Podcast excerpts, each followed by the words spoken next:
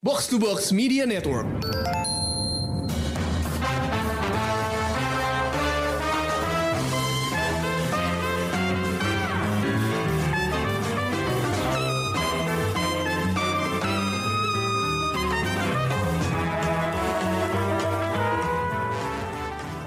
Pendengar Showbox, di Out of the Box kedua di Juni tahun ini, gue mau ngangkat sebuah franchise film jadul. Well, gue sebutnya jadul, tapi sebenarnya umurnya tuh baru 20-an tahun. Yang gue maksud adalah Blade Film Trilogy starring Wesley Snipes. Jadi ceritanya nih guys, gue lagi di rumah dan iseng browsing channel di TV kabel. Terus tiba-tiba gue nemu di salah satu channel film, film Blade yang kedua. Nah, kalau kalian masih ingat, film Blade kedua ini distradarai oleh The All Father Guillermo del Toro. Dan gue nonton nih nggak dari awal ya, karena filmnya udah mau nyampe akhir pas gue temuin. Tapi dari situ gue bisa lihat bahwa, wow, ternyata Blade 2 itu bentukan vampirnya tuh GDT banget. Vampir-vampir di situ mirip banget sama vampir-vampir yang ada di serial The Strain, yang diciptakan oleh salah satunya Guillermo del Toro. Jadi karena itu mirip banget, kepalanya pada botak-botak, terus rahang, dagu, dan mulutnya bisa kebuka untuk nampilin stinger yang menjulur keluar, bahkan dengan gerakan badan mereka yang sama. Uh, gue langsung penasaran dong, ini sebenarnya trilogi Blade nih kayak apa sih sebenarnya? Karena pas film-filmnya pertama kali keluar, gue nggak nonton. Selain karena waktu itu gue belum cukup umur, filmnya juga rada susah ditemuin. Gue nggak inget pernah nemuin di, di di di DVD atau di TV, apalagi di bioskop ya. Gue nggak nggak inget sama sekali. Jadi akhirnya gue mutusin untuk akhirnya sekarang di tahun 2023 untuk nonton semuanya dari film Blade yang pertama keluar di tahun 1998 dan disutradarain oleh Stephen Norrington sampai film Blade Trinity yang keluarnya tahun 2004 dan disutradarai oleh uh, penulis triloginya David S. Goyer. Waktu gue udah nonton film pertamanya, gue ngobrol sama Rengga. Terus Rengga tiba-tiba bilang, itu kan film Marvel pertama. Terus reaksi gue kayak, ah masa sih bukan X-Men duluan. Terus pas gue cek, ternyata bener loh. Blade itu film pertamanya Marvel yang waktu itu masih dirilis sama New Line Cinema, anak perusahaan Time Warner. Jadi dia sister company-nya Warner Brothers gitu. Tapi produsernya nama-namanya tuh familiar kayak Stanley, Avi Arad gitu. Walaupun sebenarnya udah ada film-film Marvel lain sebelum Blade kayak Howard the Duck di tahun 86 The Punisher tahun 91 atau Fantastic Four di tahun 94 baru Blade yang apa ya secara sinematis uh, dianggap sebagai sebuah film adaptasi Marvel Comics yang sukses pada saat itu. Film-film lainnya either straight to video, box office flop atau telat rilis. Jadi ya bisa dibilang kalau kita uh, pengen tahu apa sih origin story-nya Marvel di cinema, ya itu adanya di Blade gitu. Nah, tahun depan harusnya tuh kita bakal dapat film adaptasi live action Blade yang baru yang dibintangin oleh Mahershala Ali. Tapi ini karena para penulis di Hollywood lagi mogok kerja, produksinya tertunda. Jadi gue harap nih filmnya lancar-lancar aja ya produksinya. Pas nanti udah selesai mogok kerjanya. Tapi kayaknya sih filmnya bakal telat. Feeling gue sih gitu ya. Nah, untuk sementara waktu sambil nunggu filmnya digarap, gue sama Rengga mau ngobrol tentang Blade. Nah, Reng, lo masih inget nggak tentang Blade-nya Wesley Snipes nih? Film-film mana yang paling lo inget di antara Blade Trilogy itu? Ingatan gue tuh udah kayak nyampur-nyampur gitu loh, antara satu dua tiga gitu kayak, Lalu ini yang ini ya, ini no, film ini. Tapi lo sempet nonton? Uh, ya mungkin kayak lu ya. Waktu filmnya keluar gue masih di bawah umur jadi gue nggak mungkin nonton. Akhirnya setelah setelah gedean gue nyari DVD-nya waktu itu. Oh. DVD masih DVD bajakan ya. Jadi kayak nonton satu film apa nih film vampir nonton lah. Mm -mm. kemudian kayak wah keren banget nih udah gue harus cari lanjutannya nih gitu. Nonton lah akhirnya gue tiga tiganya tuh mm. yang gue inget uh, ya yang kedua itu di Selain nama Del Toro ya Hmm. Terus yang gue ingat emang tiga tiga itu dari satu dua tiga tuh film filmnya emang gede banget sih, apa ya, grotes ya. Darah di mana-mana, wuh, yeah. muncrat muncrat gitu muncrat. kan. betul gak, betul. Iya kayak kayak kayak nggak mubazir lah sama darah gitu kayak di mana-mana gitu kan. Apalagi yang kedua kan. Kedua banyak banget ini. Iya. Apa belah-belah vampir yang belah dua ke belah tiga muncrat ke mana-mana darah gitu kan. Iya Gua bahkan ada gitu. kepala yang dipotong terus masih masih hidup kepalanya gitu. Iya. Terus ya orang dibelah dua ingat banget Ron Perlman dibelah dua sama si Blade. Chat. itu masih inget gue yang kedua itu itu GDT banget sih filmnya iya ya kedua tuh emang GDT banget gue baru tahu tuh GDT di situ ya oh ini The All Father ya Iya, The All Father dong. gue gue kaget sejujurnya karena gue nggak nyangka bahwa oh dari sini toh uh, sumbernya The Strain gitu. Karena gue taunya kok si GDT seneng banget sama vampir. Emang dia pernah melakukan uh, apa ya film tentang vampir sebelumnya? Gue nggak sadar gitu bahwa dia melaku ngerjain film Blade gitu. Makanya waktu The Strain keluar, gue agak-agak takjub sih sebenarnya. Dan nggak hmm. taunya udah ada origin story-nya si Del Toro ngerjain vampir. Meskipun setahu gue dia kayaknya pernah ngerjain film vampir lain deh. Pernah, judulnya Kronos tahun 93. Oh, Iya, ya. itu gue gue belum nonton itu, soalnya terlalu jauh. Iya, yang main Ron Perlman juga soal. Ah, dia mah selalu Ron Perlman. Kayak waktu Ron Perlman-nya nongol di Blade 2, gue tuh udah langsung, oh iya nih, nih GDT nih. Signature-nya GDT. selalu dibawa dia ke mana-mana mah. Mm -mm. Tapi gue pengen nanya deh, Reng. Ini kita ngomongin komiknya sebentar ya. Emang Blade itu popularitasnya di komik tuh gimana sih? Apakah dia karakter yang populernya sekelas Spider-Man atau dia le lebih di level karakter Guardians of the Galaxy yang sebelum ada filmnya nobody knows who they are gitu. Ya, menurut gue bahkan ketika lu ngomongin Blade sekarang gitu juga orang nggak hmm. nggak tahu sih itu siapa itu Blade. Serius lu? Iya. Oh my god, kasihan banget. Menurut gue ketika kenapa waktu itu tahun segitu ya tahun berapa mm. filmnya 99 ya itu 98. kan ya 98 ya? Mm. kenapa Blade itu mau dijadiin film? Gue rasa tahun-tahun segitu tuh vampir-vampiran lagi naik kan? Mm, iya gue rasa betul, iya seingat gue ya. Makanya jadi jadi uh, kayak dicari aja gitu IP yang punya vampir gitu. Oh Marvel punya nih. Blade ya udah kita jadiin lah. Gue rasa lebih kayak gitu sih. Bukan oh, gitu karena ya? popularitas komiknya. Waktu itu kan belum belum belum ini belum ada uh, apa namanya hmm, tren buat bikin film dari komik kan itu baru mulai setelah X-Men justru. Iya, itu dia. Masalahnya yang kalau misalnya diinget-inget kan waktu itu ya studio yang bikin film ya Superman, Batman, Superman, Batman. Gitu. Iya, uh, itu cuma cuma DC doang kan waktu mm -hmm. superhero yang ada Marvel kan ya apaan gitu. Marvel baru tahun 2000-an bangkitnya ya. Betul. Hmm. Boleh sih gitu. Kalau dari komik sih juga nggak nggak nggak nggak punya fanbase yang gede sih sebenarnya Blade tuh. Kayak karakter kelas tiga gitu kali. Oh my god, really? gue gue nggak nyangka loh, karena uh, maksudnya kita ngomongin vampir ya, uh, vampir itu biasanya kulit putih, tapi ini hero-nya dan hero yang seorang vampir juga adalah kulit hitam gitu.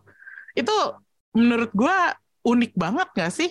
Hmm, iya sih, itu cukup cukup membedakan dia dari yang lain dan dan dia kan ada dia sebutannya kan Daywalker kan karena dia vampir yang bisa mm. jalan di siang hari gitu. Mm -mm. Beda banget sama vampir-vampir yang biasa takut jalan siang hari bisa kebakar kan. Mm -mm. Makanya lumayan seru sebenarnya karakternya dia tuh. Tapi hmm. di komik tidak terlalu apa ya? Tidak terlalu banyak nongol juga sih soalnya kayak uh, ya udah lu vampir tapi dunia Marvel gitu. Mau apa law lawan lawan lu Captain Amerika gitu. terlalu banyak superhero yang lebih powerful gitu. Oh iya ya, gitu terlalu ya. biasa aja gitu. Apa lu vampir ya elah gitu. Iya iya, gue kebayang sih, gue kebayang sih. Makanya gue tanya dulu nih sama lo, apakah dia levelnya sama atau kayak diagung-agungan kayak Spider-Man gitu, atau lebih karakter kelas B atau C gitu bahkan. Enggak sih, kayak terlalu biasa aja di, di Marvel kayak eh vampir gitu. Oh oke okay, oke. Okay. Nih balik lagi ke filmnya ya. Nih lo tadi uh, langsung nyebut film Blade yang kedua, tapi kalau gue nanya sama random orang uh, mana pun gitu ya, kalau gue nanya ke mereka, lo inget Blade nggak? Mungkin jawabannya uh, inget yang ada Ryan Reynolds-nya kan gitu. Dan itu kan ya, film ketiga ya, film ya, uh. Blade Trinity yang udah paling jauh gitu. Kenapa orang ingetnya Ryan Reynolds ya, dan bukannya Wesley Snipes? Itu kayak agak-agak kar kar kar karena di di di di di di mana?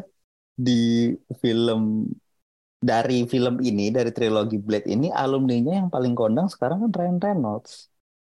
Hmm, oke. Okay. Iya, iya, iya. Masuk iya. akal kan? Iya, masuk di akal sih, masuk di akal. Sekarang siapa jadi oke selain Wesley Snipes lu lu inget siapa? Ron Perlman, oke. Okay. Terus Jessica Biel. Jessica Biel. Tapi, Tapi sekarang juga udah gak kedengeran kan Jessica Biel Iya, gitu. iya, betul. Penjahatnya si siapa? Penjahat yang pertama tuh siapa? Chris Christopherson. Uh. Chris Christopherson itu temennya si Whistler. Oh ya, yang, itu si Whistler ya? Yang penjahatnya itu Stephen Dorff. Oh iya Stephen Dorff, salah kebalik gua. Iya Stephen Dorff gitu kan. Terus yang di yang di ketiga itu yang Dracula siapa tuh? Yang di Prison Break? Ah, si Dominic Purcell. Iya, Dominic Purcell gitu. Siapa ke mana sekarang? Wesley Snipes masuk penjara gitu kan. Udah keluar sih sekarang. Kan enggak ya yang alumni yang yang yang masih bertahan sampai sekarang ya cuma Ryan Reynolds doang makanya orang paling inget dia. Dan di ketiga emang dia paling ini sih paling memorable kan. Karakternya yang yang banyak omong gitu kan, nggak bisa diem. Ala-ala Deadpool so, gitu ya? Iya, dia Deadpool banget itu. Itu DNA Deadpool banget ada di situ dia. Oh, yang sok jago ngomong segala macam bla bla bla bla bla kayak ya, Apakah emang. mungkin dia ngambil inspirasi buat Deadpool dari karakter itu? Hmm, di komik juga emang soal Deadpool karakternya begitu sih. Jadi gue rasa hmm. emang gue rasa emang Ryan Reynolds suaranya begitu sih aslinya. Bacot ya. Iya, kayak kayak Deadpool itu Ryan Reynolds gitu kayak. Oh, iya iya iya iya iya. ya gitu dia tuh jadi Deadpool nggak jadi nggak jadi Wade Wilson dia jadi Ryan Reynolds gitu. Astaga ini uh, ya itu gue penasaran aja sih kenapa orang ingatnya justru karakter sampingan dari film ketiga dan bukan orang yang udah mainin triloginya gitu. Tapi kalau lo bilang Wesley Snipes pernah masuk penjara, iya sih. Itu kayak kan dia emang sosok yang agak kontroversial ya. Jadi gue paham sih kenapa Ryan Reynolds yang teringat di uh, benak banyak orang gitu. Tapi kalau gue boleh muji franchise Blade yang jadul ini, itu actionnya gue nggak tahu ya Reng menurut lo tapi sejak film pertama martial arts-nya tuh udah terlihat canggih dan keren meskipun teknologinya di situ masih 90s dan lumayan analog gitu uh, dan gue nggak tahu gimana kok si Wesley Snipes tuh mengingatkan gue sama Tony Jaa atau Iko Uwais pas lagi berantem gitu di film-film Blade itu gitu. Gue nggak tahu ya apa pendapat lo tentang action di situ. Actionnya sebenarnya gue kemarin baru eh, baru nonton yang pertama lagi ya. Mm Karena mau ngebahas ini terus kayak gue nonton mm gitu kan kayak. Mm uh, ini tidak ini ya. Kelihatan banget film tahun 90-an ya. Iya. kayak baru mulai tiba-tiba, wow masuk ke klub lo gue techno, anjir John. Kalau itunya sih ya gitu. Itu gerakannya Wesley Snipes sendiri tuh lumayan dinamis loh untuk iya, iya. tahun 90-an karena emang dia juga martial artis kan jadi emang gerakannya oh, gitu udah ya? luas iya oh gue nggak tahu soalnya dia martial artis gitu kan oh. banyak film zaman 90-an itu kan emang dia salah satu apa ya nama nama yang cukup besar di di di film action kan mm. karena emang dia backgroundnya martial artis jadi berantemnya cukup jago gitu oh. tahu lah gimana gerakan okay. gerakan berantem gitu ya menurut mm. gue berantemnya lumayan keren emang tapi ketika lo tonton lagi ya sekarang hmm. kalau hmm. gue nonton yang pertama, hmm. apa ya uh, kayak terlihat satu itu filmnya terlihat jadul, kedua berantemnya juga udah kurang kurang dinamis jatuhnya. Karena hmm. sekarang udah zamannya berantemnya tuh John Wick gitu kan. Nah iya. Nah, banget kan kayak babu-babu gitu kan. Uh, terus era post ini post the raid gitu kan semua jadi jadi mm -mm. merujuknya ke situ berantem hmm. sekarang yang udah nggak kayak gitu tuh jadi kayak basi gitu loh yang pukul cut pukul cut pukul cut gitu jadi nggak kelihatan berantemnya kayak gimana gitu hmm. Tapi kalau menurut gue uh, emang film-film 90s tuh ya berantemnya kayak gitu sih. Memang, kayak memang, memang. Uh, untuk ukuran film 90s, Blade itu ada di atas kalau menurut gue. Emang nggak bisa dibandingin iya. sama film masa kini. Lo jangan bandingin iya. sama yang sekarang-sekarang ini. Tapi gue ngerti sih maksud lo kayak kalau Blade tahun 90-an ketemu sama John Wick tahun 2022 apa 2023 gue rasa sih Blade-nya bakal kalah juga gitu. ya siapa tuh kayak membandingkan kayak bagaimana perbandingan uh, action scene zaman dulu dan sekarang tuh udah jauh banget kan. Mm, hmm, Jadi kayak sekarang tuh lebih dinamis banget berantemnya. Tapi kalau lo uh, melihat dari kita lihat dari kacamata tahun segitu ya, itu hmm. berantemnya udah cukup cukup keren sih. Mm. Gimana sih Wesley Snipes gerakannya mukul-mukul orangnya terus gimana mereka sih. Dan itu juga cukup cukup apa ya cukup pada masa itu ngebunuh vampirnya cukup apa ya sadis uh, sadis iya hmm. kreatif oh kreatif ya iya iya iya iya iya, iya kan iya kan kayak kayak apa di di ditusuk pakai serum meledak gitu kan mm. di, di di ditebas-tebas dibelah-belah belah dua gitu kan itu kan dulu kan kayak vampir ya udah tusuk aja di mana di dada gitu kan udah mm. cur gitu kan tapi sama si Blade kan ditebas-tebas setelah diapain pakai pedang nggak bisa ini disuntik meledak gitu kan iya. cukup oke okay lah gitu pada masa itu untuk cara pembunuhan vampirnya uh, ini masih lumayan kreatif ya dibanding film-film vampir lain yang cuman steak gitu di dada gitu atau matahari ya, doang gitu. Ya. Uh, Bahkan kalau gue bandingin sama ta film vampir tahun 90-an tuh kayak Interview with the Vampire atau Queen of the Dam gitu misalnya. Ah ya. Itu cara bunuh bunuhannya Blade tuh exciting di apa ya? Kalau di layar itu terlihat apa ya? dramatis gitu loh. Jadi kayak ada ada nilai plusnya dari dia dari kesadisannya itu gitu. Betul, um, bahkan kalau dibandingin sama apa tuh Underworld, mm -mm bunuh-bunuhannya masih bagusan Blade gitu walaupun Underworld juga keren ya. Oh iya, uh, Underworld. Uh. Uh. Cuma masih tetap bagusan bagusan Blade sih menurut gua. Oh. Karena lebih sadis juga sih Blade kan, Blade kan. Oh, jadi kalau Underworld tuh bukannya lebih baruan ya, bukannya dia awal 2000-an iya ya? sih. Iya, awal 2000-an sih. Hmm. 2000-an pertengahan sih. Ya sih? Iya masih masih agak bersinggungan sih sama Blade ya. Iya makanya tahun 2000 tahun 2000-an itu lagi masa vampir-vampirnya banget ya. Lu inget lah gimana uh, ada demam vampir masa itu. ada Edward Cullen gitu kan. Edward Cullen mah belakangan banget. Dia mah telat. Udah gak usah Belakangan banget ya itu ya. gak usah dihitung mah dia. Kok gue jadi sensi. Yeah. Lagian maksudnya itu Edward Cullen tuh melambangkan vampir yang romantis. Sementara Blade tuh filmnya nggak ada romantis-romantisnya sama sekali ya nggak sih? Kayak ya udah bunuh-bunuhan aja gitu.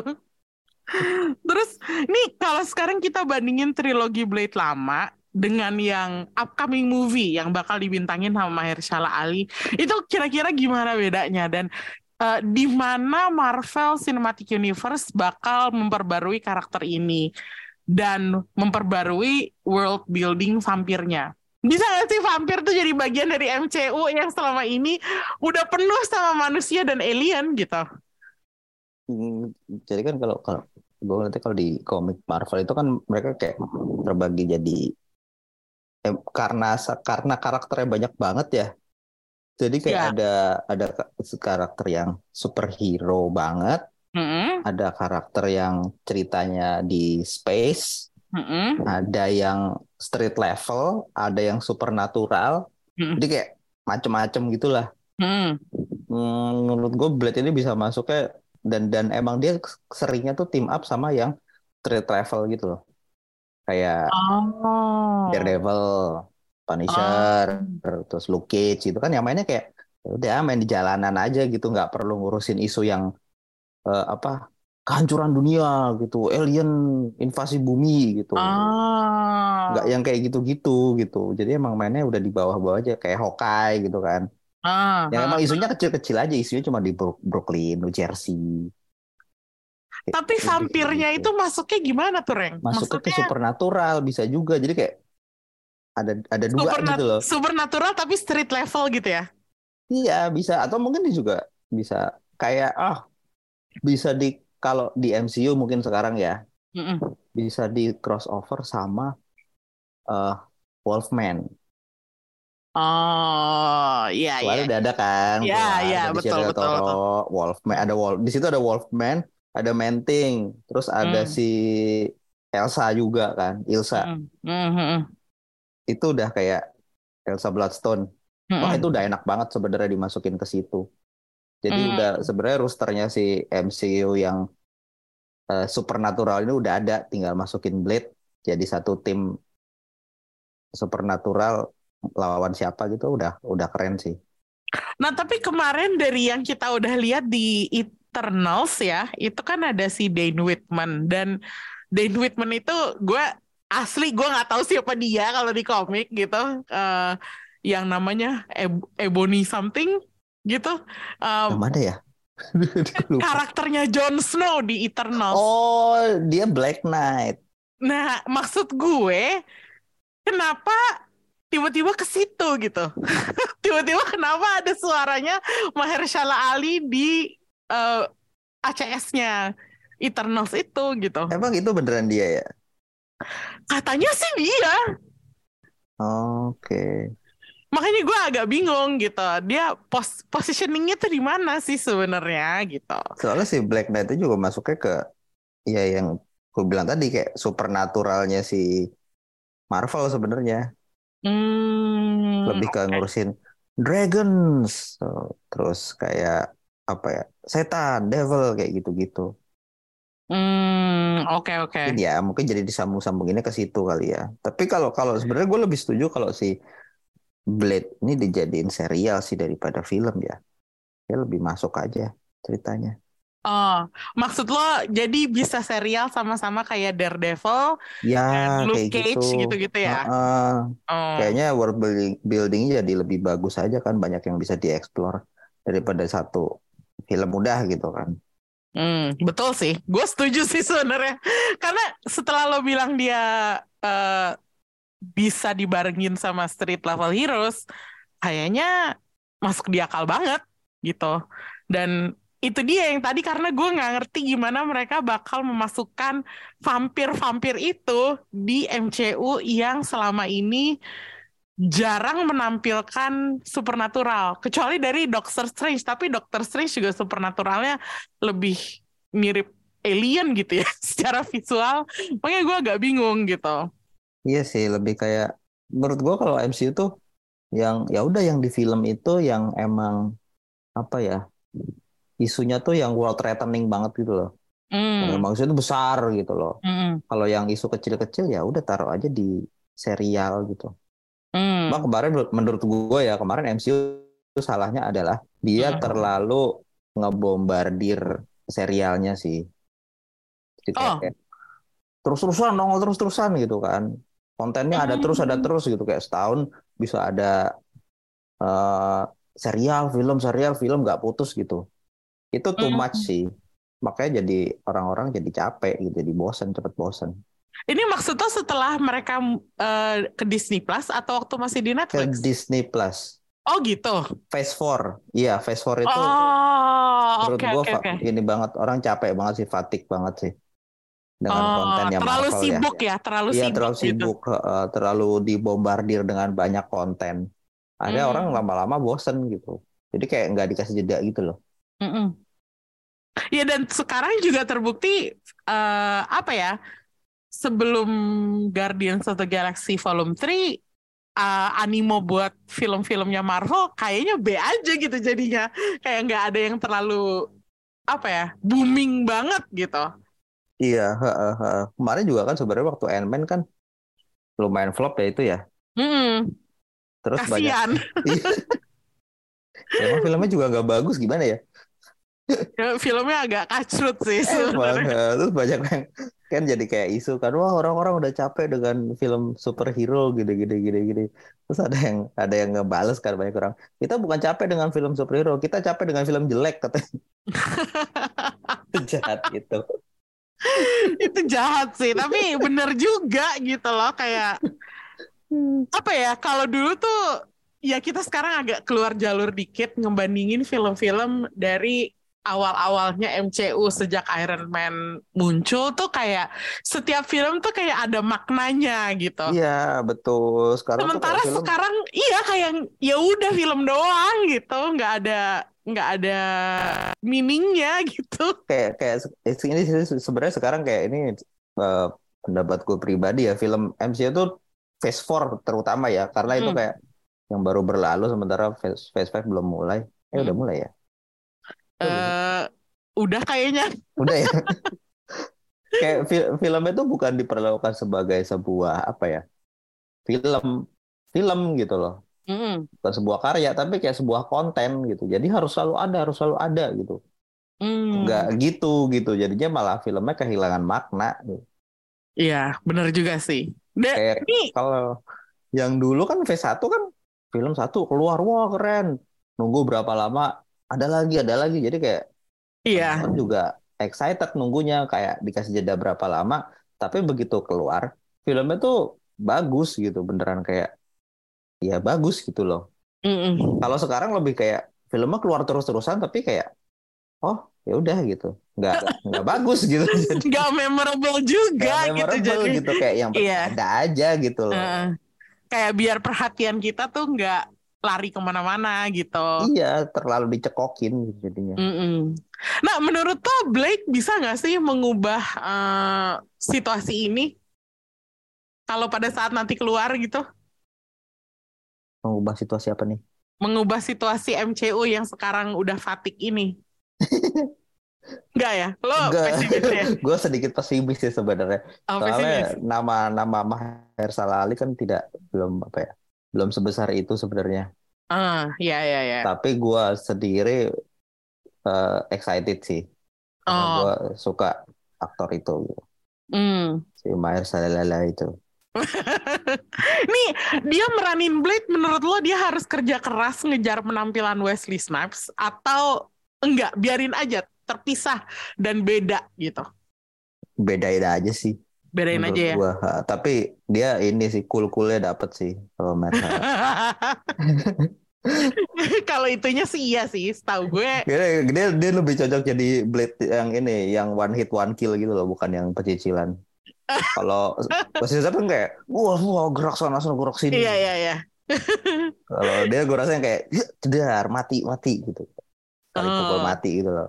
Jadi nggak harus banyak uh, ini ya banyak bela diri lincah-lincah gitu. Iya, nggak usah loncat sana sini. Hmm. Ya, tapi lo menantikan gak sih uh, Blade yang baru atau biasa aja karena udah fatik aja gitu? kayak di satu sisi gue kayak iya gue udah capek lagi nonton film Marvel. Gak apa-apa, ngakuin aja.